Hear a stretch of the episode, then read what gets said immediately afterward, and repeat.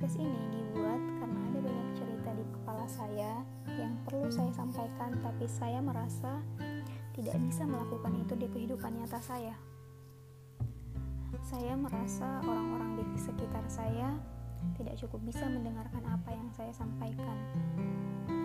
Jadilah saya memutuskan untuk membuat podcast ini. Meskipun di podcast ini belum tentu akan ada yang mendengarkan juga sih, tapi tidak apa-apa Setidaknya saya bisa lebih leluasa untuk bercerita.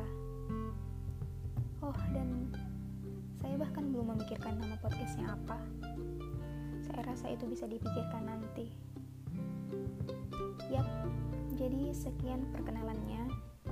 Sampai bersua di cerita selanjutnya.